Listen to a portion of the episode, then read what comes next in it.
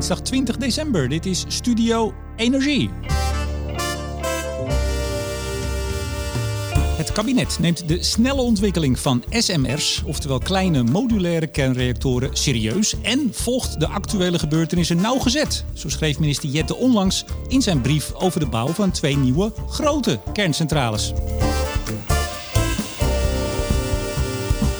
Over de ontwikkeling van SMR's praat ik met de oprichter en CEO van ULC Energy, de Nederlandse nucleaire start-up die sinds een jaar ontwikkelaar is van de kleine modulaire reactor van Rolls-Royce in Nederland. Mijn gast is Dirk Rabelink. En Studio Energie wordt mede mogelijk gemaakt door de vrienden van de show Netbeheerder Stedin, Koninklijke FMW, Neptune Energy, Eneco en het energieteam van Bloem Advocaten en notarissen. Meneer Rabeling, hartelijk welkom. Goedemiddag. Goedemiddag. In een, uh, een prachtig kantoor. Ik begreep net van uw compagnon dat uh, deze ruimte vandaag voor het eerst gebruikt wordt. Uh, ik denk het wel. Hoewel we wat sociale aangelegenheden hier hebben gehad, is dit de eerste officiële gebruikname. Kijk eens aan, in, in Amsterdam Centrum met uitzicht op water. Nou, dan zit je altijd goed, hè? Heerlijke plek. Hier gaat het gebeuren. Ja. Um, jaartje actief pas. Uh, november vorig jaar officieel begonnen. Althans, volgens de, ja, volgens de officiële stukken. U stond in augustus dit jaar al trots op de foto met de mensen van Rolls-Royce SMR. Uh, de ambassadeur van Groot-Brittannië in Den Haag daarbij. Nou, zegt u het maar. Wanneer heeft Nederland de eerste Rolls-Royce kleine kernreactor en waar komt die te staan? Remco, als het, aan ons ligt, uh, staat hij aan het begin van de jaren 30. Dat is haalbaar, maar dan moeten we wel nu aan de slag. Uh, waar die komt te staan is wel een, eh, een, discussie. Hij komt denk ik ergens te staan waar uh, veel industriële activiteit is. Ja, daar zou ik zeggen, dat lijkt me logisch, waar er energie nodig is. Absoluut, 24 uur per dag, 7 dagen per week. Ja, geen gedoe met wind en zon en ach, we zien het wel. Nee, altijd. Nou ja, ik, wij, wij zetten kernenergie neer als een uh, complementaire energiebron. Niet als, een, als de enige oplossing. Wij denken dat met kernenergie we juist meer wind en zon in gebruik kunnen nemen. Zeker bij die hoge industriële processen. Mm -hmm. Op een dag dacht u, kom, ik, ga een, uh, ik wil projectontwikkelaar in kernenergie. Nee, dat is wel wat langer uh, gaan broeden. We zijn eigenlijk ook met ULC al een jaar of twee bezig. We hebben formeel hebben we de onderneming opgericht, zoals jij hebt uh, gezien, in november vorig jaar. Maar eigenlijk een jaar of twee geleden ben ik concreet met Bas Suis, mijn mede-oprichter, gaan denken van hoe kunnen wij een rol spelen als ondernemers in de privésector om kernenergie op de kaart te krijgen. Ja, want u hebt alle twee wel eens iets met kernenergie gedaan en volgens mij nog bij hetzelfde bedrijf. Absoluut, wij zijn oud-collega's. Uh, we hebben allebei gewerkt bij BHP Biliton, wat inmiddels BHP heet. En voor de echte kenners is Biliton een oud-Nederlands mijnbouwbedrijf.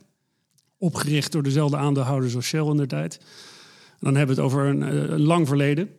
Um, mijn uh, origine in de kernindustrie is in 2005 ben ik begonnen bij BHP Biliton. Um, en was actief en uiteindelijk verantwoordelijk voor alle uraniumactiviteiten. Uranium wordt natuurlijk gebruikt als kernbrandstof. Uh, BHP had een hele grote aankoop gedaan van een, een, een, een mijnbouwbedrijf met meerdere assets. Uh -huh. Een van die, van die mijnen was een uraniumkopermijn. En daar zaten ze nogal mee in hun maag, omdat BHP is een Australisch mijnbouwbedrijf. In Australië is kernenergie, zeker toenertijd, en daar is het ook aan het veranderen, maar toenertijd was het niet heel populair. Dus wij mochten de strategie bedenken over hè, wat moeten we nou met uranium binnen het portfolio van, van BHP. Ja, Dirk, verzin eens wat. Nou, dat, dat is een wat grotere organisatie die zich daarmee bezighoudt. Maar wat wel heel interessant is, is dat we daar in een multidisciplinair team zaten met specialisten op olie en gas. Want BHP had toen een hele grote petroleumafdeling. Ze zaten nog heel groot in de kolen in Zuid-Afrika. Um, en ze zaten, en in Colombia overigens ook. En ze zaten vrij groot nu opeens in uranium. Uh, dus we hebben heel intensief samengewerkt, ook met de grote consultants, waar heel veel geld aan uit werd gegeven toen de tijd, om te begrijpen van jongens, hoe ziet die toekomst eruit? uit? Mm -hmm. En het interessante was dat het eigenlijk stiekem altijd een wedstrijd bleek te zijn het was nooit de vraag of renewables heel groot gaan worden. Het was altijd een vraag, gaat gas winnen of gaat kernenergie winnen? En dat is precies de dynamiek waar we ons nu in vinden, denk ik. Ja, en uh, Bas uh, Suis noemde je al, uh, dat is uw compagnon. En die werkte daar toen ook? Die werkte niet op dezelfde afdeling toen. Die, ken, die kennen we wel, want het is uit stiekem... kennen de Nederlanders elkaar binnen zo'n grote organisatie wel vrij snel... Uh, dus ik kende Bas wel als, uh, als collega, maar nooit actief met hem op dezelfde afdeling. Hij is eigenlijk pas later ingestroomd toen ik uh, in de olie- en gasafdeling werkte in Houston. is hij gaan werken in de, op de kernenergieafdeling. Is daarna zelfstandig geworden, het bedrijf verlaten en een eigen bedrijf opgericht. En in dit kantoor mogen we nu opnemen. Ja, de kernenergieafdeling, zo'n beetje debiteurafdeling, crediteur. Bas zit nu op, uh, op kernenergie. Nou, het, zo voelt het wel af en toe, want het is een heel klein groepje mensen. Kern, Met kernenergie kan je met heel weinig mensen doen. Dat zie je niet alleen dat je met een kleine footprint heel veel energie kan maken, maar je ziet het eigenlijk ook in alle afdelingen die eromheen zitten. Mm -hmm. En wij zaten in een, klein, in een kleine afdeling voor BHP. Ja, uh, Delfts ingenieur. Ja. Welke, welke tak van sport? Ik heb mijnbouwkunde en petroleumwinning eh, gestudeerd. Uh, afgestudeerd in de metallurgie, de grondstoffenverwerking. Dat ligt een beetje tussen de, tegen de chemie en uh, de hoogovens, dat soort processen. Maar altijd in de energie gezeten dus? Altijd heel dicht verbonden met de energie. Hoewel ik eventjes uh, bankier heb geleerd in, in Londen. Dat wou ik dus net zeggen. Want het lijkt me bij kernenergie, waar het toch vooral om geld gaat eigenlijk... financieren, zorgen dat het rondkomt... lijkt me een opleiding als bankier in Londen lijkt me wel heel handig. Ja, maar ik moet eerlijk zeggen dat die keuze om naar Londen te gaan was voor de tijd dat ik echt uh, intensief contact heb gehad met kernenergie. Um, de, mijn perspectief is altijd geweest als je als ingenieur opgeleid wordt, moet je ook weten hoe uh, projecten tot stand komen, hoe je bedrijven succesvol maakt.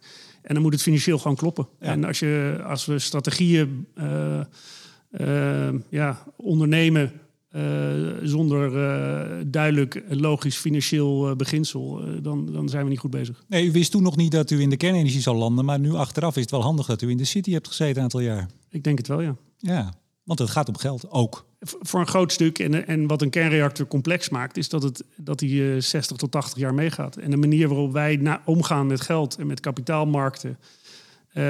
maar is dat een financiële uitdaging? Terwijl het een hele logische investering is, is het een financiële uitdaging. 9 december kwam de lang verwachte brief van het kabinet. Uh, geschreven door meneer Rob Jetten, onze minister van Energie en Klimaat. Of voor, ik weet het nooit, van of voor. Uh, nou, lang verhaal, 29 kantjes. Uh, met heel veel over twee kerncentrales die gebouwd gaan worden. En de levensduurverlenging van Borselen ook nog. Ja. Maar ook een paar passages, niet heel veel. Maar wel wat over SMR. Was u tevreden, verrast, teleurgesteld? Nou ja, we vonden de inhoud van de, van de brief niet een super grote verrassing. We weten eigenlijk sinds het regeerakkoord dat, uh, dat het kabinet uh, uh, twee grote kerncentrales wil realiseren. Borselen is een logische locatie. Het was natuurlijk ook al een beetje gelekt in de pers van tevoren, maar het was ook niet onverwacht. Nee, maar u ging meteen voor de SMR kijken natuurlijk. Of wij, niet? wij gaan meteen voor de SMR's kijken, maar dat is ook omdat wij van twee jaar geleden hebben gezegd: wij willen een bijdrage leveren als privébedrijf. En als privébedrijf gaan wij geen grote bijdrage leveren aan het realiseren van dit soort hele grote reactoren. Dan mm-hmm. ben je bezig met de balance sheet van een, van een ministerie van Financiën, niet met een privéonderneming. Ja. Uh, nee, zodoende zijn wij bij die SMR's gekomen. En ik ben heel blij dat we, dat we die uh, verwijzing hebben gehad. En ik ben eigenlijk ook heel blij dat er tijdens het debat uh, over kernenergie specifiek ook veel vragen kwamen over Rolls-Royce. En dat, dat, dus er is wel iets aan het borrelen binnen de, binnen de um, Tweede Kamer en binnen de samenleving, dat wij die, dat toch wel interessant vinden, die SMR's. En het staat nu ook in de brief. Dus ja. daar ben ik heel blij mee. Ik zei het al in de intro, hè? snelle ontwikkeling, schrijft de minister. Hij ziet een snelle ontwikkeling van SMR's. Klopt dat? Nou, de SMR-ontwikkeling die is al zeker een jaar of acht, zeker op de kleinere maatjes SMR's, is al een jaar of acht bezig. Uh, toen ik begon in 2005 werd er al gepraat over modulair bouwen, maar toen ging het over het modulair bouwen van de grote reactoren. Dus dan zit je op een gigawatt plus reactor. Um, uh, eigenlijk is het in de afgelopen acht jaar echt gaan om we gaan ze ook wat kleiner maken. Ja. En het kleiner maken van een reactor zorgt ervoor dat je veel meer uh, componenten in de fabrieken kan bouwen. Waar je goede process control hebt. Je, wer je, werknemers van die fabriek die wonen gewoon in hun eigen huis. Je hebt geen tijdelijke uh, werknemers die moeten reizen om naar een werkplek te gaan. In weer en wind gewoon lekker binnen in de fabriek. Precies. En dan heb je, heb je de beste uh, zekerheid op niet alleen je uh, schematijd, mm. hè, de, de, je, bouwt, je bouwschema's, ja. maar ook je budgetten, je kostenbudgetten. Gaan we het zo allemaal over hebben? Ja. Want u schiet dan meteen natuurlijk in het uitleggen wat er toch zo fijn is aan een klein modulair bouwen. Even, dus, er stond een zinnetje in. En ik ga dat even checken bij degene die nu al een jaar in de SMR zit. Uh, de minister schreef ook voor innovatie, zoals onderzoek naar uh, SMR's en gesmolten zoutreactoren, wordt reeds budget beschikbaar gesteld. Wat voor budget is dat?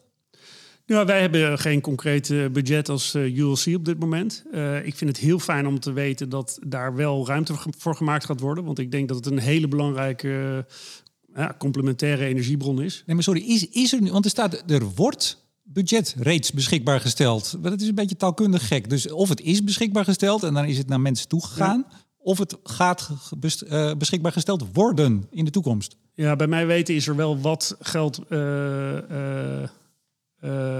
vanuit, ja, niet, niet vanuit de overheid bij mij weten, maar er is wel wat budget uh, beschikbaar. Wat Mhm. dat precies is, ik, dat vind ik eigenlijk meer een vraag voor de minister. Ik, ik ga die vraag zelf ook stellen aan ze. Dus, Uh, maar dat is ook in de. Ik, ik neem aan, u zit in de SMR-wereld. U kent elkaar allemaal. Ik kwam u nog tegen op een. Uh, hier in Amsterdam ook.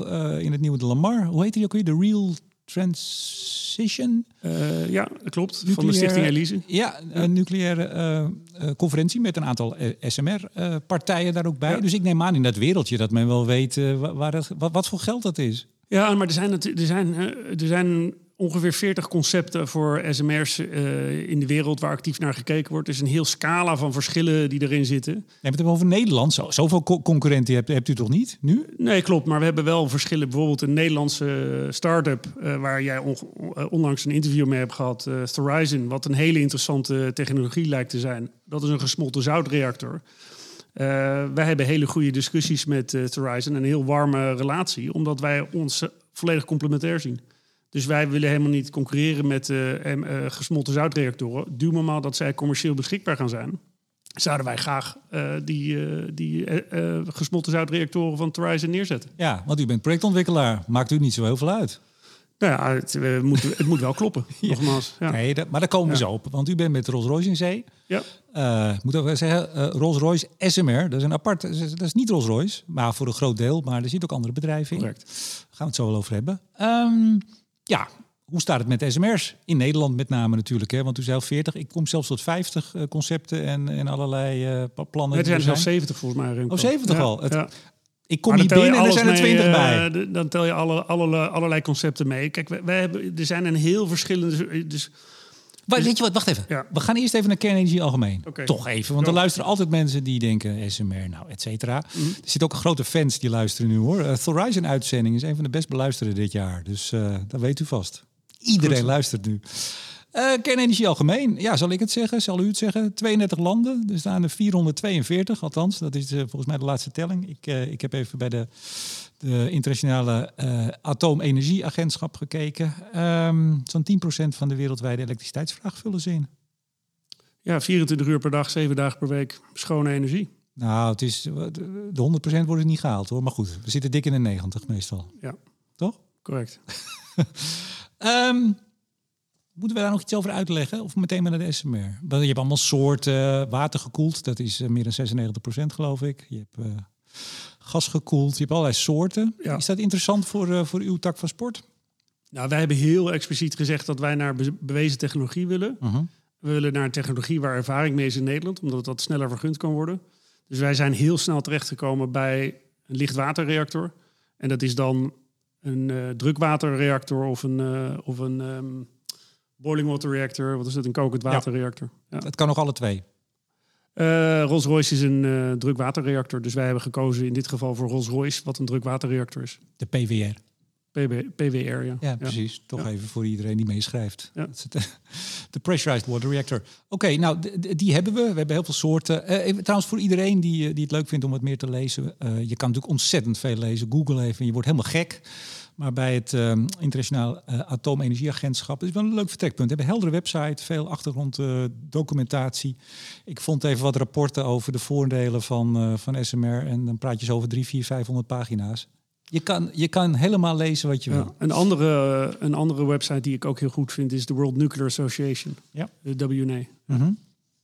Daar heb je ook wat aan. Webadres? Nee, ja. ja, weet ik niet uit mijn hoofd. Maar als je World Nuclear Association googelt, dan weet ik zeker dat je de goede krijgt. Ja, nou, we hebben dus uh, meer dan 400 uh, kernreactoren in de wereld staan. En nu hebben we het over, en dat is dus een van de typen, dat is de SMR, de kleine. Wanneer is een SMR een SMR? Wanneer is hij klein?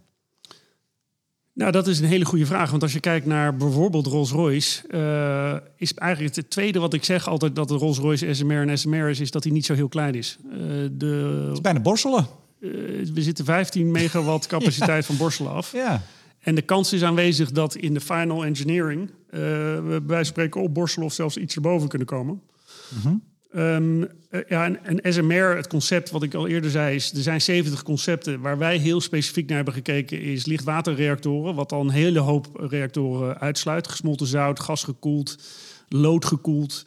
Um, alles wat te maken heeft met hoge graden van verrijking speciale brandstoffen die nog niet bestaan of nog niet vergund zijn, hebben we eigenlijk allemaal uitgesloten, omdat de vergunningstrajecten dusdanig veel langer worden dat we niet zo snel mogelijk een reactor kunnen neerzetten. Ja. Bovendien zijn wij ervan overtuigd dat de drukwaterreactor of de, of de uh, boiling water reactor, de, de kokend waterreactor, dat die concepten extreem economisch en goed ingezet kunnen worden. Uh, en dat we hele veilige technologie hebben. Ja, maar, maar small officieel, volgens de, de, ja, volgens de officiële definitie, geloof ik, uh, onder de 300 megawatt. Officieel. Ja. Ja. Ik heb verschillende definities gelezen, Remco. Ik heb ze ook tot 500 gezien. Ik ken geen SMR-concept dat meer dan 500 megawatt is. Maar sowieso zijn ook Rolls-Royce is toch, dat zijn toch weer eenheden, kleinere eenheden die bij elkaar die 470 nee, worden? Het is, één, het is één eenheid. Vergis ik me nou? Ja, denk het. Dan haal ik het door de war met een ander. Ja, dat is nieuw skill. Ja, precies. Oh, dat zijn die 12 units die zij Ja, aan elkaar 12 koppelen. units van 77 Precies. megawatt, die ze dan bij elkaar zetten. Eh, en, maar Rolls-Royce is echt, het lijkt wat dat betreft echt heel erg geborstelen. De, de, de, het reactorvat heeft dezelfde dimensies. Ik heb, Eh, het hele, eh, orde van grootte. ja, Ja. ik heb het hele weekend zitten lezen. Dan ga je dingen door elkaar halen. Nou, het is ook complex. Ja. Nou nee, dit is gewoon stom. Ik had het gewoon even goed door- uit elkaar moeten houden. Nee, maar er zijn dus ook heel veel... Dus, nou goed, dat is small. Hè? Dus nou ja, 300 of, of kleiner. Nou is één ding, met even een zijstapje. Eh, Rolls-Royce die claimt ook... Die zegt, nou ja, wij hebben al 70 jaar ervaring met kleine nucleaire... hele kleine nucleaire reactoren. Namelijk in het onderzeebootprogramma van Groot-Brittannië. Vanaf de jaren 50. Ehm, dat, dat zijn de hele kleintjes. Hè? En die, ja, als er een, eh, een, eh, een eh, vliegdekschip van Amerika van de werf rolt, nou dat gebeurt niet heel vaak, maar daar zit meestal ook gewoon een kernreactor in. Ja, er is heel veel ervaring mee Ja. bij, bij Rolls-Royce. En het interessante is dat die Engelsen hebben ook heel consistent die, eh, die kernreactoren afgeleverd voor de, voor de onderzeevloot.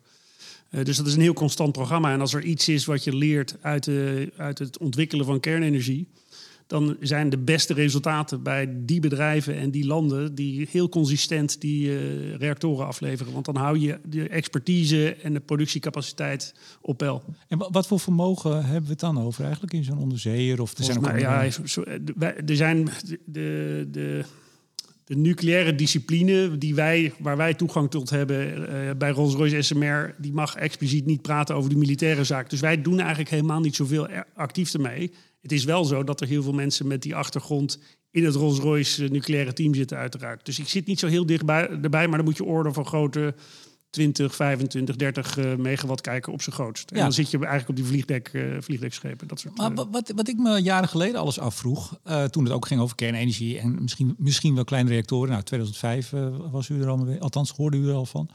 Ehm, ik bedoel, die dingen worden gebouwd. Nou, zet ze op een vrachtwagen en rijden ze naar Gemmelot. En klaar. je bedoelt die kleintjes? Ja. Wat, Ja, wat is het probleem? eh, De, het- eh, de uitdaging die je daar ziet, en we hebben er ook naar gekeken. De uitdaging die je daar ziet, is dat het verleden ook heeft laten zien dat hoe groter we de units maken, hoe goedkoper het is per energie-unit. Nee, gewoon zo'n 20. Die, die, die nu, de, nu het schip ingaat. Dus zeggen, nou, Ja. doe mij er ook een. Zet hem op, eh, op, op een vrachtauto. Stuur hem deze Ja. kant op en we installeren hem in een Gemmelot of, of waar dan ook. Ja, met inachtneming van alle eh, complicaties rondom de soort van brandstof wat er gebruikt wordt. Want de typische militaire eh, eh, brandstof die gebruikt wordt, is hoog verrijkt uranium. Wat wij in de civiele sector helemaal niet mogen gebruiken. Ehm, stel dat je dat zou kunnen, is het ook een economische vraag. Wij hebben heel erg gekeken naar wat is het om succes te, succes te hebben in het ontwikkelen van een, een modulaire SMR-concept. Maar, maar toch even, sorry. Dus er, is, er gaat brandstof in die militairen die, die eh, voor commerciële doeleinden niet beschikbaar is. Begrijp je dat goed? Ja. En het is ook nog eens heel duur. De, ja, de, eh, hoe groter je je reactor maakt als single unit, hoe, goedko- hoe goedkoper je bent. Ja. En dus wat je hebt gezien in de Fransen, die natuurlijk ons het voorbeeld hebben laten zien in de jaren 70 door het bouwen van een kerncentrale. Die zijn begonnen met kleinere centrales. Net als in Engeland zijn ze begonnen, ik geloof dat het de eerste 50 megawatt was. Ja. En die zijn steeds met verdere ontwikkeling zijn ze groter geworden. Ja. Dus wat je, hè, tot op de megaschaal die Frankrijk nu bouwt. Nee, maar Newscale die dus eh 12 units aan elkaar koppelt, dan is het wel weer interessant commercieel dus blijkbaar. 12 kleintjes van, uh, wat was het? 70? 77 geloof ja, ik. Ja, nou ja, wij, wij denken dat dat uh, suboptimaal is vergeleken met, een, met één unit met een grote reactorvat erin. Oké. Zet alle SMR-mensen bij elkaar en die kunnen de hele avond uh, discussiëren. Waarschijnlijk hier, kan hier een hoop rode wijn bij gedronken Hey, even, even nog over de. Mm, we gaan een beetje hak op de tak, maar dat doe ik altijd. ik zat nog even te kijken naar de, mm, de small modular reactors, even los van Rolls-Royce. de, de, de voordelen. Flexibiliteit. Eh, voor een brede groep gebruikers en toepassingen geschikt? Uh, ja. maar in, principe niet heel veel anders dan een grote reactor. Alleen omdat ze wat kleiner zijn, zijn ze wat makkelijker in te passen in de systemen. Hij is veiliger? Uh, omdat er minder kernbrandstof in zit en minder water in een, in een single unit dan een hele grote reactor, zou je kunnen zeggen dat hij veiliger is. Maar in principe is het dezelfde basistechnologie als een grote reactor, die ook veilig is. Maar als we het echt hebben over inherent veilig, dan hebben we het over generatie 4, of niet? Ja, dus er zijn al verbeteringen hebben al plaatsgevonden. Dus er is een veel grotere mate van passieve veiligheid in de nieuwste reactoren, zoals mhm. ook Rolls-Royce. Vergeleken met een Borselen, die natuurlijk ook al uit de jaren 70 uh, eh, stamt. Maar die is, die is steeds veiliger gemaakt. Die is steeds veiliger gemaakt. En dat is ook de, de juiste aanpak. Is om alles wat je veiliger kan maken, moet je veiliger maken. Maar dat is mhm. niet anders bij een uh, nieuw model auto of een uh, kolencentrale. Ja. ja. Um, nou, betaalbaarder. Absoluut. Ja.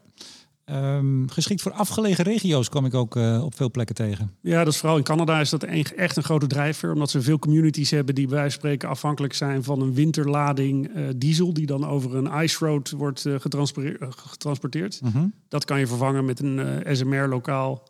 Die dan CO2-vrije uh, betrouwbare energiebron uh, kan leveren. Ja, en ik lees overal, en u, u gaat me nu vertellen of het, of het klopt. Hè? Je, kan, je kan ze heel goed combineren met alternatieven en dus ook hernieuwbare bronnen. Waarom, waarom kan dat niet met een, een gewone grote? Uh, ik denk dat het ook kan. Ik denk dat de schaal groter is. Dus je hebt het wat meer over de inpasbaarheid. Mhm. -huh. Dus dat, dat kan, er zit niet een, een basisreden in waarom een SMR dat veel beter zou kunnen doen. Behalve dan dat hij wellicht er beter voor geëngineerd is dus dat we tegenwoordig, vroeger maakten we kerncentrales om vooral 24 uur per dag 7 uur elektriciteit te maken. Ja. Tegenwoordig zitten we te kijken naar een veel complexer uh, energievraag. Ja, want ik zag in die brief van, uh, van minister Jette, eh, daar is dus gekozen voor die twee nieuwe grote voor generatie 3 plus. Mm -hmm. Dus we hebben blijkbaar 3 en 3 plus. Dat is vast weer beter dan 3. Ja. Uh, vier is nog een stap te ver, want daar is men ook bang. Nou, die zijn er nog niet. En, en men bang ook dat het, uh, de eerste nogal duur zijn. Maar uh, die generatie 3 plus, daar zegt de minister ook van... ja, die centrale kan meermaals per dag lastvariaties opvangen... tussen de 50 en 100 procent van het nominale vermogen... in een tempo van 3 tot 5 procent per minuut.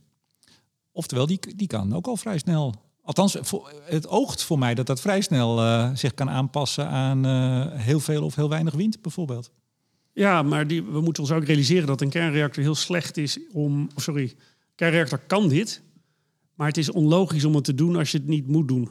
Je bespaart heel weinig relatief door een kerncentrale af te schakelen. Het is niet zo dat je dan je ingeblende brandstofverwisseling uh, in 18 maanden tijd heel structureel gaat veranderen. Die staat mhm. al ingeboekt uh, jaren daarvoor. Ja. Dus het afschakelen van de reactor zelf is iets wat economisch niet interessant is. Dus het liefste zet je zo'n kerncentrale in die 24 uur per dag gewoon staat te draaien. Ja, en als hij geen stroom maakt, dan maakt hij waterstof. Ja, waterstof, warmte of een combinatie ervan. Precies. Ja. Maar dat kan met een kleintje dus Absoluut. Makkelijker. Nee, beter, makkelijker. Nou, kan, kan dat gewoon heel goed. Zo'n grote reactor, wat, wat, wat, we ons moeten realiseren is bij die grote reactoren die ze bijvoorbeeld nu in, in Engeland bouwen, dat is 1,6 gigawatt. Als je in Nederland een reactor van 1,6 gigawatt eventjes snel aanzet of even uit moet zetten omdat je moet, uh, brandstofstaven moet uh, verwisselen, mhm. dat gebeurt ook eens in de 18 maanden. Uh, dat is een vrij grote impact op het netwerk wat je moet gaan managen.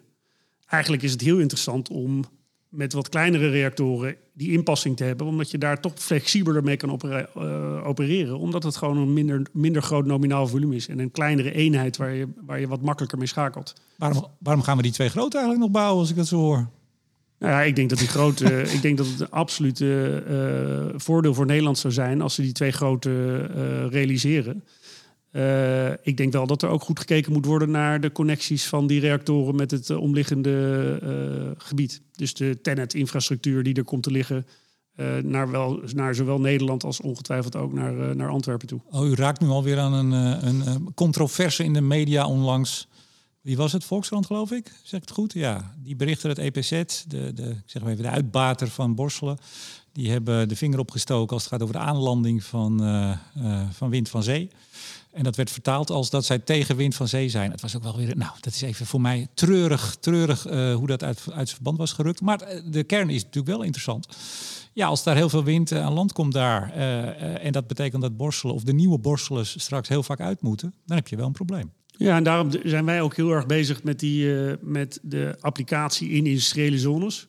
Waar als jij een uh, fabriek hebt die 24 uur per dag aan moet staan, en dat kan om economische redenen zijn, maar vaak ook technische redenen. Als iets op hoge temperatuur draait, kan je per definitie niet variabel opereren, omdat op het moment dat je zo'n proces gaat afkoelen en weer gaat opstarten, mm -hmm. dan gaan er dingen kapot. Dan gaat ja. er of uh, van die vuurvaste steenlinings gaan kapot of pompen gaan kapot. Het is eigenlijk het grootste risico wat een operator van een hoge temperatuursplant zal, zal zeggen, is als ik weer moet opstarten.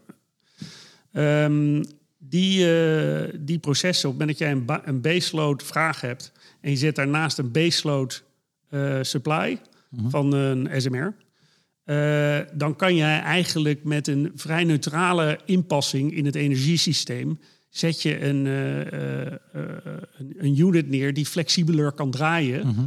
omdat je flexibiliteit kan creëren in het productieproces zelf. Ja. Dus je, daarmee kan je meer groen inpassen die nuttig gebruikt gaat worden. Ja. Nog even over wie, wie, wie, dacht van, goh, waarom zegt de boer nou, waarom hebben we die twee grote eigenlijk nog nodig? Even toch, als ze er staan, en het wordt zo begin jaren 30 ook, nou, tegelijk met uw uh, Rolls Royce, zeggen we dan maar. Uh, dan kunnen ze, het ligt een beetje aan de, de elektriciteitsvraag op dat moment, maar de minister schat zo tussen de 9 en 13 procent. Ik zeg 10 procent van de elektriciteitsvraag dan. Dat is natuurlijk ook nog niet zoveel. Dus we kunnen ze prima hebben, zeg ik dan even, die twee grote. Absoluut. Lekker laten draaien. Ja. En dan gaat u met, uh, Nou ja, met de SMR's flexibel doen. En wat dat gaat, gaat betekenen voor de provincie Zeeland, is dat er een hele, heel groot draagvlak vlak gaat komen voor economische activiteit in Zeeland. Mhm. En denk niet alleen aan waterstof produceren voor eh, fertilizers of, eh, of, of, of, of de raffinaderij. Maar denk ook aan eh, datacenters. Datacenters hebben 24 uur per dag, 7 dagen per week stroom nodig. We gaan niet minder Facebooken als de wind niet waait. Glastuinbouw. Glastuinbouw absoluut ook. Ja. Maar alsjeblieft dan ook een combinatie van warmte en stroom. Zeker. Ja. In, de, in de brief staat overigens ook dat eh, zowel eh, Noord-Brabant als Limburg hebben de hand al opgestoken als het gaat over het willen mogelijk maken van kernenergie in hun provincie. Hè? Ja, en het rapport in eh, Limburg heeft ook uitgewezen dat ze daar afzien van hele grote reactoren en juist gaan kijken naar de SMR's. Dus een hele interessante ja, opportunity. De loper die is al uitgerold. U bent vast al een paar keer op het gouvernement geweest. Eh, wij zijn in gesprek met, eh, met diverse partijen en de, en, en, eh, de sector die daar speelt. alle energie-intensieve industrie staat zwaar onder druk. En wij zijn ons daar heel erg bewust van.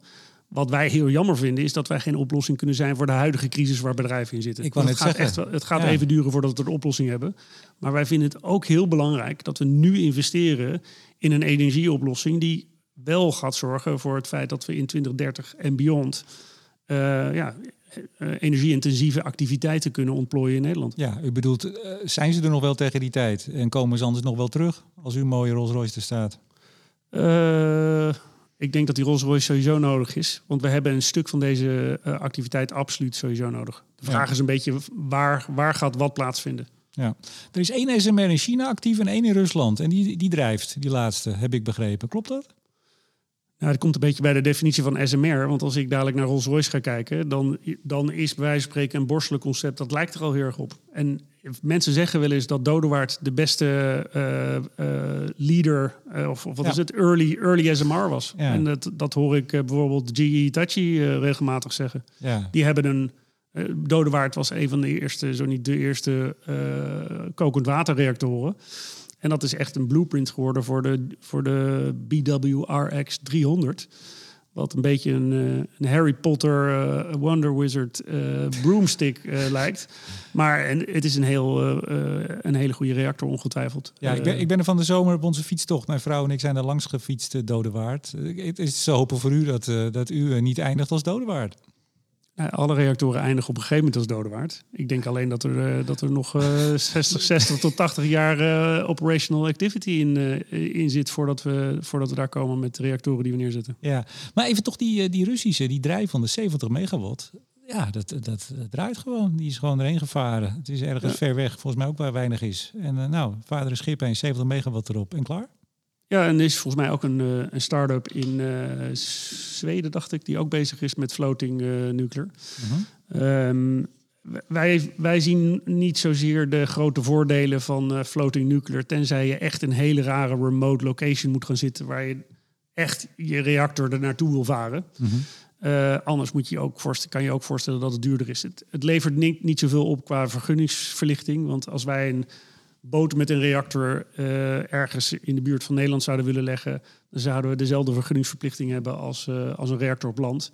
En stiekem is alles wat je offshore doet duurder dan wat je onshore doet. Ja, nou, het enige wat je kan voorstellen is dat je hem eh, weer heel snel kan wegvaren. Als je echt heel flexibel wil zijn. Als je, nou ja, zoals nu met LNG natuurlijk. Hè. Je kon je best afvragen waarom er drijvende, varende LNG-fabrieken waren die gas naar vloeibaar, vloeibaar naar gas. Eh, waarom dat eh, businessmodel interessant zou zijn. Nou, me dunkt nu, die jongens die, eh, die lopen binnen. Ja, in, in tijden van crisis is dit soort, zijn Ja. dit soort dingen heel belangrijk. Maar ik denk dat je met een kernreactor veel meer kan kijken naar bijvoorbeeld een LNG liquefaction plant. Dat zijn langere termijn infrastructuurprojecten. Daar moeten meerdere decennia aan contracten aan, ondersteunen, anders ga je die niet bouwen. Nee. En daar ben je eigenlijk met een kernstralen altijd mee bezig. Dus je bent als je een kernstralen bouwt, altijd aan het bedenken wat ga ik met die stroom doen voor de langere termijn. Wanneer begon Rolls-Royce, eh, het bedrijf Rolls-Royce? Ja, ja, dat is ook weer heel ingewikkeld, want die zijn ook een keer failliet gegaan en gesplitst. En we hebben de auto's en we hebben de motoren en de luchtvaart. Maar dat doet er even niet toe. Wanneer is Rolls-Royce begonnen met eh, de SMR? Ongeveer. Rolls-Royce is ongeveer in 2015 eh, met het idee begonnen. Wij hebben heel veel ervaring met het bouwen van kerncentrales voor de onderzeeërs. Mhm. We hebben heel veel ervaring met het bouwen van complexe apparaten... die daarna vervoerd worden naar een locatie... waar ze in een complexer apparaat gezet worden. Denk aan de vliegtuigmotor... waar ze 46% van de wereldmarkt aan jet engines hebben. Mhm. En dat installeren in een vliegtuig in een eh, vliegtuigfabriek. Ja, en ruimtevaart. Eh, ruimtevaart zijn ze actief. Ze zijn ook vrij groot in aandrijfsystemen. Hè, eh, de, de gasturbines van marineboten. Eh, en ook wat generatoren en turbines. Echt Een redelijke allround high-tech engineering company. Zij hebben gezegd, we hebben deze skillset. Hoe ziet een succesvol programma van, voor een civiele reactor eruit? Wat, waar moeten we dan aan voldoen? Dus het interessante was dat ik laatst naar een podcast aan het luisteren was... waar het ging over de filosofie van Elon Musk als hij iets aan het engineeren is. En, dan gaat, en het verhaal ging over first principles. Dat je teruggaat naar een leeg, leeg papiertje en je zegt van... nou, wat zijn de ingredients wat ik moet oplossen? Ehm, en hoe, ehm, eh, hoe, hoe komt eh, het, het, beste resultaat eh, eruit? Eigenlijk is dit wat Rolls-Royce heeft gedaan. Zij hebben gezegd, succes betekent dat wij de risico's on-site construction-wise moeten weghalen. Dus alle complexiteiten die er op de site eh, plaatsvinden, dat hebben we gezien in Finland, hebben we gezien in Frankrijk, hebben we gezien in Engeland. Bij die grote constructieprojecten, ook overigens in, de, in eh, Amerika. Niet doen, weg. Hoe, wa- wat, hoe, hoe lossen we dat op? Nou, de oplossing van Ro- Rolls-Royce en op basis van de ervaring van Rolls-Royce, we gaan dingen bouwen in fabrieken. Dus wij willen, dus zij hebben een concept neergezet waarbij 9 90% van de Ja. componenten die gebruikt worden in deze SMR, die komen uit een fabriek. En die worden getransporteerd over de weg naar een site waar een dak, tijdelijk dak wordt gebouwd. En het is gewoon van die witte arena-buizen als het ware. Eh, eh, vrij van weer invloeden van weer en wind. Ja. In een eh, assemblagehal worden die modules in elkaar gezet in Ja. plaats van geconstrueerd. Daarmee kunnen ze ervoor zorgen dat de quality control van de modules die vindt plaats in de fabrieken. Dus voordat ze naar de site gaan, zijn die dingen getest dat ze helemaal spec zijn. Ehm, en je bouwschema eh, heeft veel minder risico van eh, delays, omdat vertragingen, omdat, je, omdat alles ingepland is en ingeregeld is en dat er weinig risico is op een verandering van die Ja. schema's. Ehm, dus zij hebben gezegd, maar we, we willen het ding zo groot mogelijk maken, want economies of scale matter. Hè, Het is belangrijk, als je die dingen groter maakt, dan kan je kostprijs naar beneden. Dus zij hebben gezegd, hoe groot kan mijn reactor zijn als ik de randvoorwaarden opstel dat al die modules moeten over de weg transporteerbaar zijn. En zo zijn ze uitgekomen bij 470 megawatt. Daarom is de Rolls-Royce reactor wat groter dan de andere reactoren. Maar hij zou misschien nog wat groter kunnen worden, zei je toch? Ja, maar dan hebben we het over eh, eh, marginale. Ah, oké, Dus de orde van, het, is, het, het wordt om en bij dat. heel misschien dat hij de 500 aanraakt, maar dat, dat weten we allemaal niet. Dus in principe is de headline nu gewoon 470 megawatt. Dus uiteindelijk is bepalend wat je over de weg kan vervoeren en dan als het speciaal transport. Of moet je gewoon op je, op je eigen autootje zonder. Uh, weet je, hebt wel eens van die transporten die heel breed zijn. Hè? Dan moet ja, er zijn een bij aantal, en zo. Ja, er zijn een aantal componenten die denk ik wel iets groter zijn. Maar het principe is alles moet over de weg kunnen. Oké. Terwijl bij sommige grotere reactorprojecten uh, uh, moet je bij wijze van spreken een haven aanleggen om de componenten binnen te brengen. Maar goed, die, die kennis heeft uh, Rolls-Royce al, al heel lang. Zit al nou, 70 jaar in de nucleaire uh, onderzeeboten, et cetera. Uh, waarom kwamen ze in 2015 rond die tijd dat ze dachten... hé, hey, hier moeten we eens echt serieus werk van gaan maken?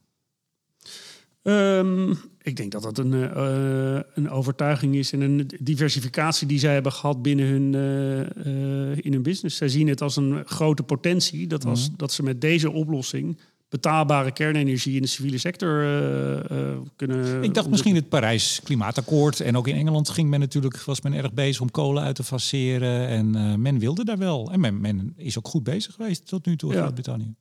En, en, als je kijkt naar de Rolls-Royce corporate website op dit moment, staat het ook vol met waterstofvliegtuigen, fuel cells. ze zijn, als organisatie zijn ze er heel erg mee bezig. Dat klopt. Ja, clean affordable energy for all. Dat is de slogan, hè? Ja. Nou, dat hebben er meer bedrijven. Nee, klopt. Ja. Maar uh, ik, ben er, ik ben er zelf van overtuigd dat met het, met het uh, SMR-concept ze een, een, uh, een werkpaard hebben ge, hè, ontwikkeld en ontworpen.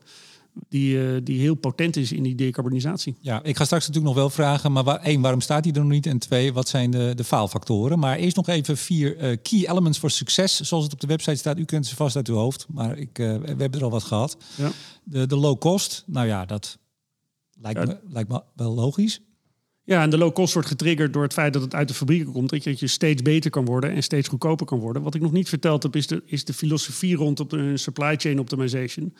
En dan heb je het over uh, dat ze eigenlijk de reactor hebben ontworpen om gebruik te maken van standaard componenten. Mm -hmm. Zoveel mogelijk. Dat betekent ja. dat je je componenten die naar de modulefabrieken gaan, dat zijn standaard componenten. En dat gaat zelfs zover dat de turbine die in de, in de hal komt te staan, dat dat ook een standaard turbine is. Dat is niet een nucleaire turbine.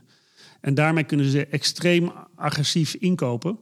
Uh, en heb je ook een, uh, ja, een diversity in je supply chain. Een, een, diversiteit wat zorgt dat je on, op schema kan blijven en op budget kan blijven. Ja, laten we anders toch meteen maar even over die kosten hebben. Want, en dan moet u me even mij misschien corrigeren. Want ik heb het niet bij ze zelf gevonden. Ik vond het ergens anders.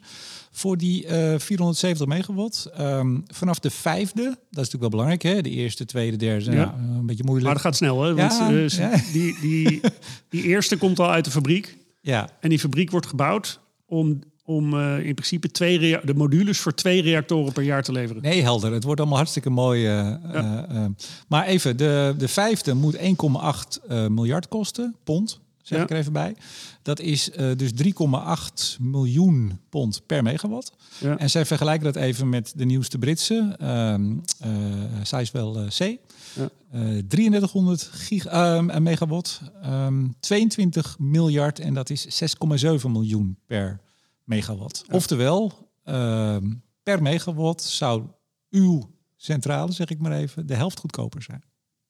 De filosofie is dat het een stuk goedkoper is, ja, klopt. Ja, maar oh, nou, de helft toch 3,8 tegen 6,7. Orde van grootte. Het is altijd, het is moeilijk om te bedenken wat de eventuele kosten gaan worden van de grote reactoren als we daar ook veel meer van gaan bouwen een van de problemen die we hebben in de huidige uh, tijd is dat we in, in het westen van de in westelijke wereld Mhm. niet goed zijn in het bouwen van grote complexe projecten. Ja. We zien daar vaak vertragingen bij lopen. En dat is niet alleen in de nucleaire sector, dat is eigenlijk in alles wat groot en complex is. Ja, nou, minister Jette zegt ook, we moeten ook zorgen, die twee grote die we bouwen, dat er zo min mogelijk uh, uh, veranderd wordt tijdens het proces. Maar ja, Ja. dan kom je hier met een Tweede Kamer, dan kom je hier met de druk vanuit media en activisme. Eh, doe, doe dat maar eens, zeg maar eens ja en, en verander dan maar eens niks meer. Dat, dat lukt bijna niet in verfijnde westerse democratieën. Ja, ik denk dat dat een grote uitdaging gaat zijn over hoe we in Europa gaan kijken naar eh, nieuwe kernenergie. En dat gaat ook relevant worden voor, voor SMR's. De, het concept van Rolls-Royce is interessanterwijs dat zij het, eh, de SMR hebben ontworpen om te voldoen aan vrijwel alle westerse regels die er bedacht kunnen worden door de vergunningsverleners. Mhm. Eh, zodat ze eigenlijk voldoen aan alle wetgevingen en eisen die er in niet alleen Europa, maar ook buiten Europa, waar ze eventueel aan denken om deze reactor te verkopen. Ja. Even die vier eh, key elements voor succes. Low cost, deliverable. Hebben we het er al over gehad? Ja, deliverable, dus eh, vanuit de fabriek en je supply Precies. chains en, Ja. je, en het de-risken van je, je lokale eh, eh, assemblagefabriek. Ja, punt drie. Global and scalable. Ja, dus in Nederland gaan wij profiteren van reactoren die al in Engeland gebouwd zijn. Ja. Simpel gezegd. En dat ook kunnen ze in Japan en dat kunnen ze overal straks. Dat kan vanuit Engeland, eh, kunnen al die re- re- reactoren de weg op. In principe we kunnen die overal naartoe vervoerd worden. Uiteindelijk, uiteindelijk natuurlijk wel met inachtneming van alle eh, treaties die we moeten hebben om nucleaire technologie te uit te voeren. Maar dat kan in principe overal uitgevoerd worden. Mag niet naar meneer Poetin. Ik verwacht dat de Engelsen daar problemen mee hebben, maar dat is niet aan, eh, dat is niet voor see. Nee. Hey, in punt vier, investable. Ja, dus wij denken dat op het moment dat jij een betaalbare, betrouwbare eh, project ehm, kan afleveren eh, tegen acceptabele kosten, dat daar een hele grote interesse gaat komen van de privésector. Mhm. En dan heb ik het over bedrijven die willen investeren om nucleaire operators. eh, maar denk aan, aan pensioenfondsen, aan banken. Op het moment dat wij iets neerzetten waar de risicoprofiel eh, voor een heel groot deel uit is gehaald, eh, dan wordt het investable. En iets, een van de elementen waarvoor wij heel erg gecharmeerd zijn door Rolls-Royce, is het principe dat zij deze reactor willen gaan bouwen onder een turnkey contract. Dat is iets wat niet vaak meer voorkomt in de nucleaire sector, gezien Mhm. alle vertragingsrisico's. Vertel even, wat is turnkey? Turkey contract is eigenlijk dat ULC dadelijk een contract tekent, want wij zijn de klant van Rolls-Royce uiteindelijk. Eh, de, dat, is, dat wordt ook wel eens verkeerd neergezet. Ehm, wij zijn de klant van Rolls-Royce. Wij tekenen een contract met Rolls-Royce dat zij deze reactor bouwen, afleveren, opstarten en ze geven ons een sleutel op het moment dat die draait. Mhm. Wij moeten natuurlijk een organisatie voorbereiden die verantwoordelijk kan omgaan met het bouwen en het eh, opereren van een reactor. We moeten goede kennis van zaken hebben. Ehm, maar het, de, de plant wordt gebouwd door Rolls-Royce en, en partners. Mhm. Ehm, en dat betekent dat ik eigenlijk een completion guarantee-achtige eh, contract ga krijgen. Nou, dat- en bij een normale kerncentrale koop je de kerncentrale en dan ga je een aannemer zoeken die, eh, die Ja. het gaat bouwen. En dan heb je al die complexiteiten met het managen van verschillende stakeholders in het proces. Ja. Ehm, en dat heb je met Rolls-Royce eh, veel minder.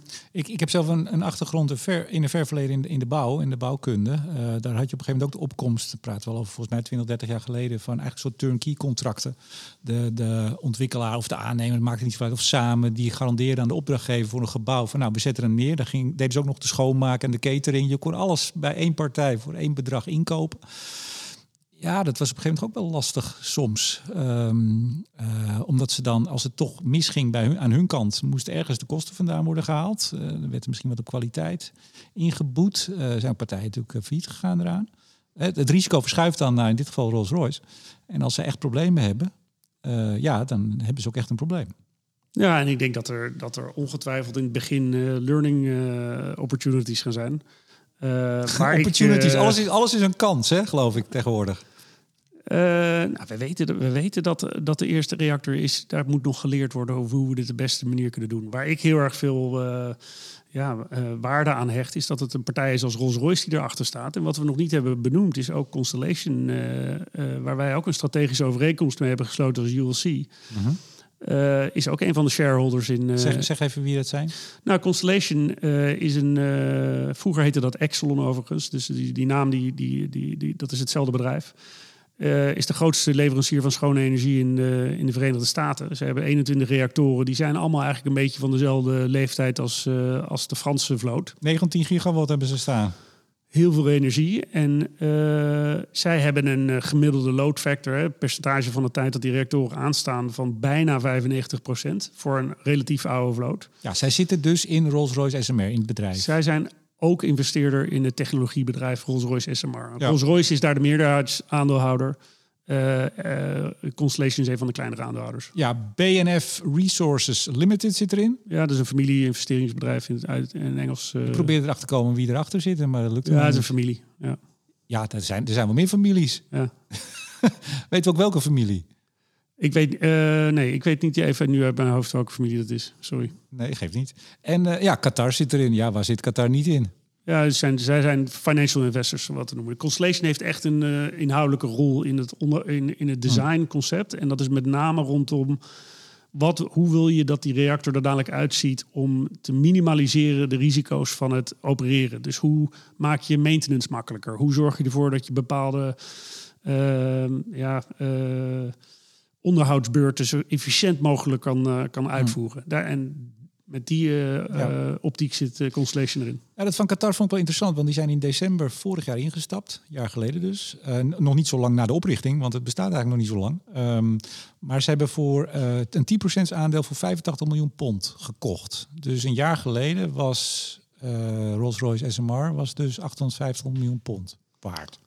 Ja, en ze hebben ook uh, redelijk hoeveelheid geld opge opgehaald van de Britse overheid als een uh, ondersteuning. Dat is niet een equity shareholding, maar dat is uh, ja, ondersteunende ontwikkelingsfondsen. Ja, want dat noemen ze ook op de website. Ze worden ondersteund door, nou ja, ja. heel Groot-Brittannië zou ik bijna zeggen. Iedereen staat achter ze. Nou ja, ze moeten in Engeland ook nog de eerste echte order krijgen voor SMR's. Dat is ook een belangrijke stap voor dat bedrijf. Ja, kom ik ja. zo op. Want even, uh, dat vroeg ik me af. Ze zijn dus november vorig jaar is het bedrijf officieel uh, in de benen. Dus met die aandeelhouders erbij. Ja. Eerst was het Rolls-Royce, toen kwamen dus de partijen, zoals net genoemd, erbij. Dat was ook wel nodig om inderdaad die grant, dus de ja, subsidie of whatever ja. van uh, de Britse overheid, 210 miljoen pond. Zij hebben er zelf 195 miljoen in gestopt, 400 miljoen nou, kapitaal. Nou, daar kan je, kan je wel wat voor doen, ja. toch? Um, maar u bent ook tegelijk begonnen. Toen dacht ik, is, is dat allemaal toeval? Of wist u al, die gaan in de benen? Of hebben ze u benaderd? Of heb, nee, het is, u, het is, eigenlijk is dat een beetje toeval. Uh, Remco, de connectie. Uh, kijk, uh, Bas en ik hebben via onze vorige werkzaamheden in die, in die brandstofcyclus... hebben we een, een heel goed netwerk opgebouwd internationaal. Dus wij kennen eigenlijk alle inkopers van brandstof voor kerncentrales wereldwijd. Behalve de uitzonderingen waar wij überhaupt geen uh, brandstof aan uh, willen verkopen.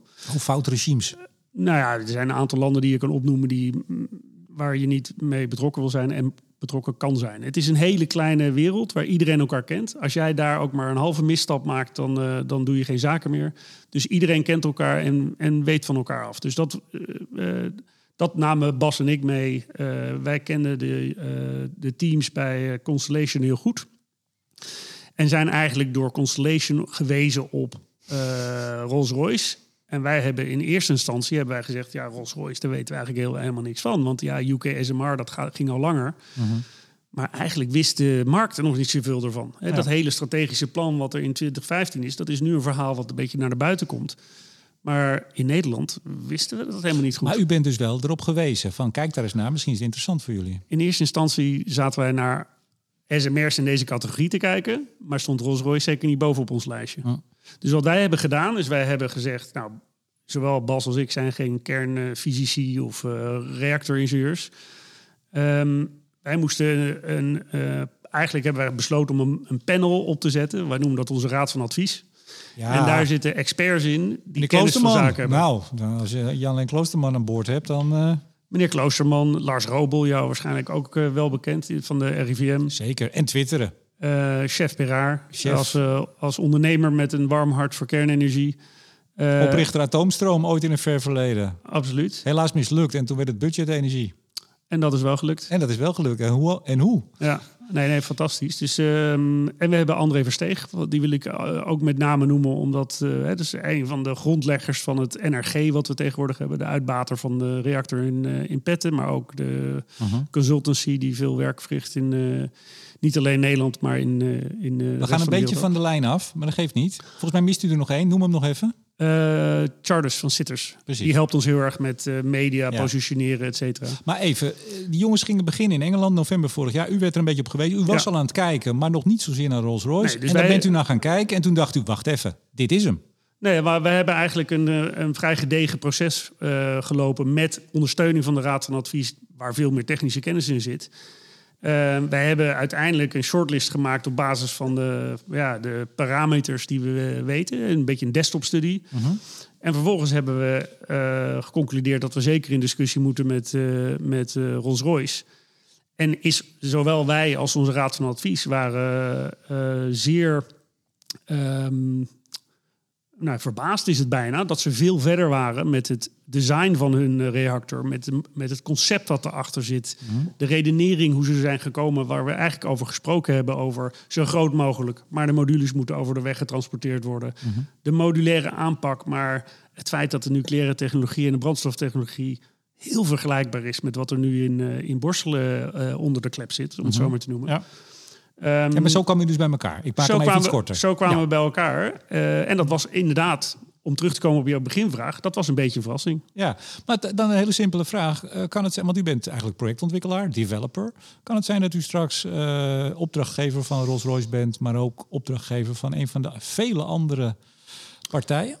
Nou, we hebben afgesproken dat wij met Rolls-Royce gaan als het gaat om de SMR, de wat grotere SMR van lichtwatercategorie. Wij hebben die keuze gemaakt. We, moesten, we moeten eh, U bent met huid en haar gekoppeld aan Rolls-Royce op dit moment. alleen voor, de, voor deze categorie. Dus als wij, zoals ik zei, als wij een gesmolten zoutreactor willen gaan doen in de toekomst, of als we naar een heel klein reactortje willen voor bepaalde toepassingen, 20 megawatt, gezellig. ja, dan is daar helemaal geen enkel probleem. Dat kunnen we gewoon gaan doen. Oké. Want ja, dat is misschien gek, maar waar verdient u nu geld mee? Of hebt u nog wat spaargeld liggen? Nou, we zijn een hoop eh, eh, activiteiten en een hoop discussies aan het voeren nu. Een van die discussies is ook hoe financieren wij ons bedrijf en wat wordt het businessmodel going forward. Eh, wat wij nu merken is dat er heel veel interesse is van bedrijven die naar deze oplossing willen kijken. Zij zien het als een van de weinige manieren waarop zij hun continuïteit kunnen waarborgen. Ehm, we zijn al, we hebben nu zicht op een twee, misschien zelfs drie eh, betaalde opdrachten die we aan het doen zijn als onderneming. Dat is niet onze eind, ons einddoel. Ehm, Maar wat dan? Wat voor opdrachten dan? nou, dat zijn opdrachten om te kijken naar bijvoorbeeld de feasibility van een, eh, van een unit. Of om te kijken naar wat zouden de kosten zijn als we met zo'n SMR waterstof gaan maken op hoge temperatuur. Precies. Eh, Nee, maar dat is net als in de bouw ook wel. Eh, u moet als projectontwikkelaar ook een beetje voor de beetje grote klapper, een beetje chagren. Een beetje opdrachtje We hier. zijn, we zijn, eh, we zijn een beetje daar. flexibel. Maar wat, wat onze grootste doelstelling is, is dat wij de capability gaan opbouwen als organisatie.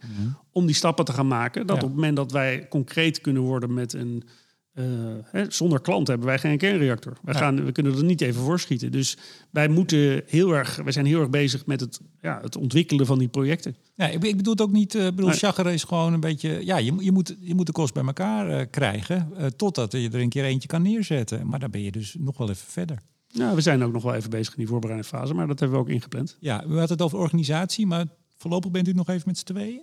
Nou, we hebben de Raad van Advies en we hebben natuurlijk, we zitten hier op een kantoor met allemaal hele eh, actieve, slimme mensen, waar we gelukkig ook af en toe gebruik van kunnen maken. Ja. Ehm, en we werken ook met, eh, met, met eh, bevriende ZZP-achtige ervaren mensen Ja. eh, in de sector. En Nee, dat, maar het is, ook het nodig. is nog allemaal klein. U bent Ja. net een jaar bezig Ja. en, en er moeten nog heel veel stappen gezet worden natuurlijk. Even, eh 7 maart dit jaar, Rolls-Royce SMR's Nuclear Power Plant Design is entering the Generic Design Assessment. Ja. Volgens mij was dat een groot moment.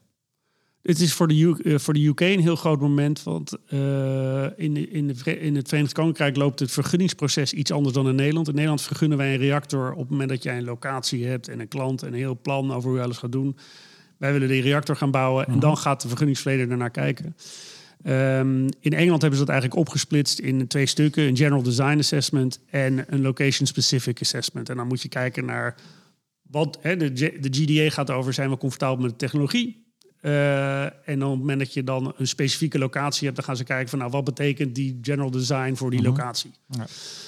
Eh, grote stap voor, eh, voor de UK. En een van de dingen die wij graag zouden zien is dat vanuit ons perspectief, wij zijn 100% gefocust op Nederland, dat de Nederlandse vergunningsverlener goed in de gaten houdt wat er allemaal in het General Design Assessment gebeurt in de Ja. UK. Zeker. Want uiteindelijk zijn dat allebei onafhankelijke instellingen in de respectievelijke landen. Die gaan kijken naar een, een design van een reactor. Daar kan natuurlijk heel veel gedeeld worden en geoptimaliseerd worden tussen die landen. ja. Ik zit- denken, kan, kan Rolls-Royce SMR niet u ook wat geld toeschuiven? Of doen ze dat? Want Ja, ze hebben we- eigenlijk een soort agent nu in Nederland die hier ook hun belang behartigt. Ja, en dit is waar, het, waar we vaak moeten uitleggen. Wij zijn niet de agent van Rolls-Royce. Nee, maar nee, u bent opdrachtgever, dat weet ik wel, maar u Ja. bent aan elkaar gekoppeld. Dus eh, Wij werken hun heel belang is uw belang en andersom. En wij werken heel veel samen, maar eh, we doen het met gesloten beurs, om het zo maar te Oké, noemen. oké. Ja. Nou, goed, en dat is ook een van de, het is ook een van de, van de aspecten rondom de, de, de financiering van Rolls-Royce SMR zelf. Ja. Ja. nee, maar goed, u, u, u moet nog wel wat, ja, er, er moet nog wel wat gebeuren om eh, dit, dit bedrijf, ULC, hè, dat moet ook levensvatbaar zijn. En als hij eh, over tien jaar er staat, dan moet je tien jaar eh, salaris en, en andere dingen bekostigen. Nee, absoluut. En kijk, we zijn, dit, we zijn het proces, zoals ik, wat ik noemde, twee jaar geleden begonnen. Mhm. Toen hadden we, hebben we bedacht van wat moeten we doen, wat kunnen we doen als twee ondernemers in een privé setting om dit vlot te trekken. We, hebben het nooit, we zijn het nooit gestart omdat we denken dat we op een hele korte termijn eh, heel succesvol en heel rijk gaan worden. Eh, wij doen het eigenlijk om ervoor te zorgen dat we een toekomst hebben voor niet alleen onszelf, maar ook met onze jonge kinderen en onze jonge gezinnen thuis. Mhm. Dat wij perspectief hebben voor Nederland op de langere termijn. En daar zijn we ooit mee begonnen. En hoe, dat, hoe, dat, hoe die weg precies gaat volgen. Eh, het, ga- het gaat met eh, ups en downs eh, gebeuren. Dat gebeurt altijd op de Ja. ontwikkeling van kernenergie. Maar dat we op het goede spoor zitten, is bij ons alleen maar bevestigd sinds we ermee begonnen zijn. Ja, ik zou eigenlijk hier misschien moeten afronden, maar ik ga toch de vraag nog stellen. Nou, ik ga ik nog twee vragen stellen. Dus we zijn dat traject ingegaan in Groot-Brittannië. Ik bedoel, zoals u ook net vol vuur vertelde, ja, in principe bouwen we dat ding. Al, bijna alles van de plank, alles over de weg. Bedoel, hij zou in wezen morgen gebouwd kunnen worden? Vraagteken. Nee, ik vind dat wij eh, volledig moeten voldoen. En dat is ook onze... Nee, nee, nee, dat snap ik. Nee, maar hij Ja. zou technisch, ik bedoel, Nee, alle onderdelen. nou, Hij dat zou is gewoon niet helemaal waar, wa- wa- want ze, ze moeten ook de, de, fi- hè, de voor Rolls-Royce is het heel belangrijk dat de fabrieken eh, dusdanig geëngineerd zijn dat zij die kostenefficiëntie eruit kunnen halen. Oké. Dus waar hun reactormodel al redelijk is Mhm. Klaar is, als het ware. Er zijn ook alle berekeningen, et cetera. In ieder geval, ze zijn veel verder dan wat je normaal zou, zou zien bij zo'n project. Mhm. Zijn ze nog wel bezig met het optimaliseren van hun fabrieken. Oké. En dus die fabrieken moeten nog gebouwd worden. En dus de komende jaren gaan er voor de voorbereiding en de optimalisatie van die fabrieken, zodat die reactoren met hoge mate van zekerheid afgeleverd gaan worden. En het is echt het model wat zij eh, met, eh, met de jet engines eh, doen. Oké. En dan toch de slotvraag. Ehm, waarom zou dit niet gaan gebeuren? Wat, wat zijn echt de showstoppers waarvan u zegt, ja, daar lig ik wel eens wakker van? Nou, het gaat met name om de snelheid. Want ik ben er heilig van overtuigd dat we, dat we kernenergie nodig hebben. eh, f- hè, f- eh, al is het maar voor de momenten dat de zon niet schijnt en de wind niet waait. De minister schrijft het ook, vind ik toch wel mooi van een D66-minister. Dat is hij dan, ja, officieel. Maar hij is minister, hij is... maar als je, ik bedoel, als je die brief van hem leest, dan staat er van, ja, het is absoluut wel nodig. Ja. Terwijl hij toch van een partij is die dat ongeveer vanaf de oprichting eh, eh, te vuur en te zwaard heeft bestreden. Ah, en maar wat dat ik- even een kleine Ja, zijstap. Maar wat ik ook heel belangrijk vind, is dat de, dat de bedrijven die wij spreken, die, die zien ook dat het nodig is. En ehm, eh, da- dus daarom, wat is de grote derailer? Is, is eigenlijk meer de snelheid waarop we dit doen. Ehm, als er, er zijn een aantal elementen waar ik me over verbaas. En ik heb toevallig net een, eh, een, een eh, LinkedIn-postje op eh, losgelaten vanochtend. En dat is als we het hebben over groene waterstof. En wij hebben in de Renewable Energy Directive, die nu de, door de EU is voorgesteld. En ik weet niet of die al helemaal finaal is. Het is volgens mij afgelopen weekend wat, wat uitgekomen. Daar komt uit naar voren dat er een categorisch een groene target gaat komen op waterstof. Waar kernenergie waterstof niet aan meetelt. Nou, dan vraag ik me af, als inwoner van Nederland en als inwoner van Europa, wat is nou belangrijker? Is het nou belangrijker om te decarboniseren? Of is het belangrijker dat we volledig afhankelijk worden van wind en zon? Maar ter- terwijl, terwijl kernenergie ook in de, in de taxonomie zit. Ja, dus onder bepaalde voorwaarden mag kernenergie zichzelf groen noemen. Ik geloof dat Nederland daar weer nog niet aan voldoet met de twee nieuwe. Las ik. Maar ik heb daar niet de details van, zeg ik meteen. Nee, en mij, voor mij is het, eh, is, het, is het niet van belang of we het groen noemen of niet groen noemen. Maar voor mij is het wel belang dat we ons realiseren dat als jij zegt dat we een x percentage van de waterstof groen moeten maken. En dat we kernenergie uitsluiten. Dat betekent dat als ik mensen vind die interesse hebben om met kernenergie waterstof te maken. Wat overigens veel goedkoper is dan groene energie maken van eh, wind op zee. Als ik dan iemand heb gevonden die bereid is om daarin te investeren. Dan maakt hij een product wat tweede rangs is ten aanzien van groene waterstof. Misschien en daar het- heb ik een probleem mee. Misschien gaat het nog wel veranderen. Wie meneer weet. Ja, ik hoop het. Hey, maar even toch, de, de, eh, showstopper of derail, zoals u het noemde. ehm, zijn er toch uiteindelijk toch weer niet die kosten? Want het, de belofte is, hè, nou ja, modulair, heeft het allemaal eh, uitgebreid verteld. Dat moet een enorm kostenvoordeel opleveren. Stel nou dat dat dus niet lukt en het is gewoon toch te duur. Is dat, is dat een, hoe serieus is dat gevaar? Ja, ik denk dus dat dat meevalt. Want als je kijkt naar wat de alternatieven zijn. Nee, voor... nee, nee, maar waar, waar Ja. kan het misgaan? Waar kunnen die kosten? Hè? Dus de prognose is ongeveer de helft eh, van de kosten nu van zo'n grote die in Engeland gebouwd wordt. Nou, die wordt misschien ook goedkoper, dus het verschil wordt wat kleiner. Maar goed, Allah. Maar het lukt niet. Het is net zo duur als een hele grote. Kwaliteitskont- kwaliteitsbehoud is toch lastiger, ook al is het mooi in de fabriek en niet in weer en wind. Het, het, het lijkt allemaal toch tegen te vallen. Partijen gaan failliet, je moet nieuwe zoeken. Vertraging misschien toch ook in het proces. Kan het? Ja, ik, ik zit maar te, te, te, kijken waar u eh bedenkelijk nee, gaat kijken. Ik, ik, ik, ik, ik, ik kijk bedenkelijk omdat theoretisch is alles mogelijk. En ik denk dat er ook echt wel wat, eh, wat, wat hobbeltjes op de weg gaan komen. Maar als ik kijk naar de hobbeltjes die op de weg komen van de alternatieven, of het nou een grote kernreactor is of een batterijoplossing, of dat we met z'n allen waterstof gaan maken en dat in turbines gaan verbranden om weer elektriciteit te maken. Het zijn allemaal hele dure oplossingen waar heel veel schalingsrisico's, opschalingsrisico's in zitten.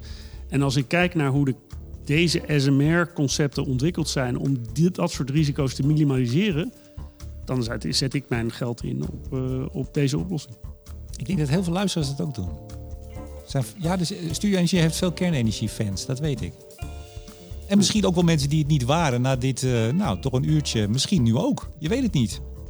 Ik hoop het, Laatste vraag altijd bij een start-up, want dat bent u toch nog steeds. absoluut. Je hebt er nog mensen nodig. Altijd. nee, u maar eh, zonder, ja? zonder, zonder dolle, wij zijn altijd geïnteresseerd. Het is, een, het is, het is vaak eh, eh, complex om uit te leggen. Het, er zit een extra di- eh, di- dimensie in, Mhm. de manier waarop wij deze energiebron inzetten. En er zit, ja, we zijn op zoek naar jonge, enthousiaste mensen, die, zeker mensen met, met wat ervaring en relevante kennis. Nou, die, die weet u vast te vinden. U hebt, wat zei u, een LinkedIn-post, dus daar bent u te vinden. Misschien op andere wijze. En anders google eens even ULC Energy. Dirk Rabelink, eh, oprichter en CEO van ULC Energy. Hartelijk dank voor het gesprek. Dankjewel. En uiteraard bedank ik ook jullie beste luisteraars. En in het bijzonder alle vrienden van de show. Waaronder netbeheerder Stedin, Koninklijke FMW, Neptune Energy, Eneco en het energieteam van Bloem Advocaten en Notarissen. Mijn naam is Remco de Boer. Graag tot de volgende keer.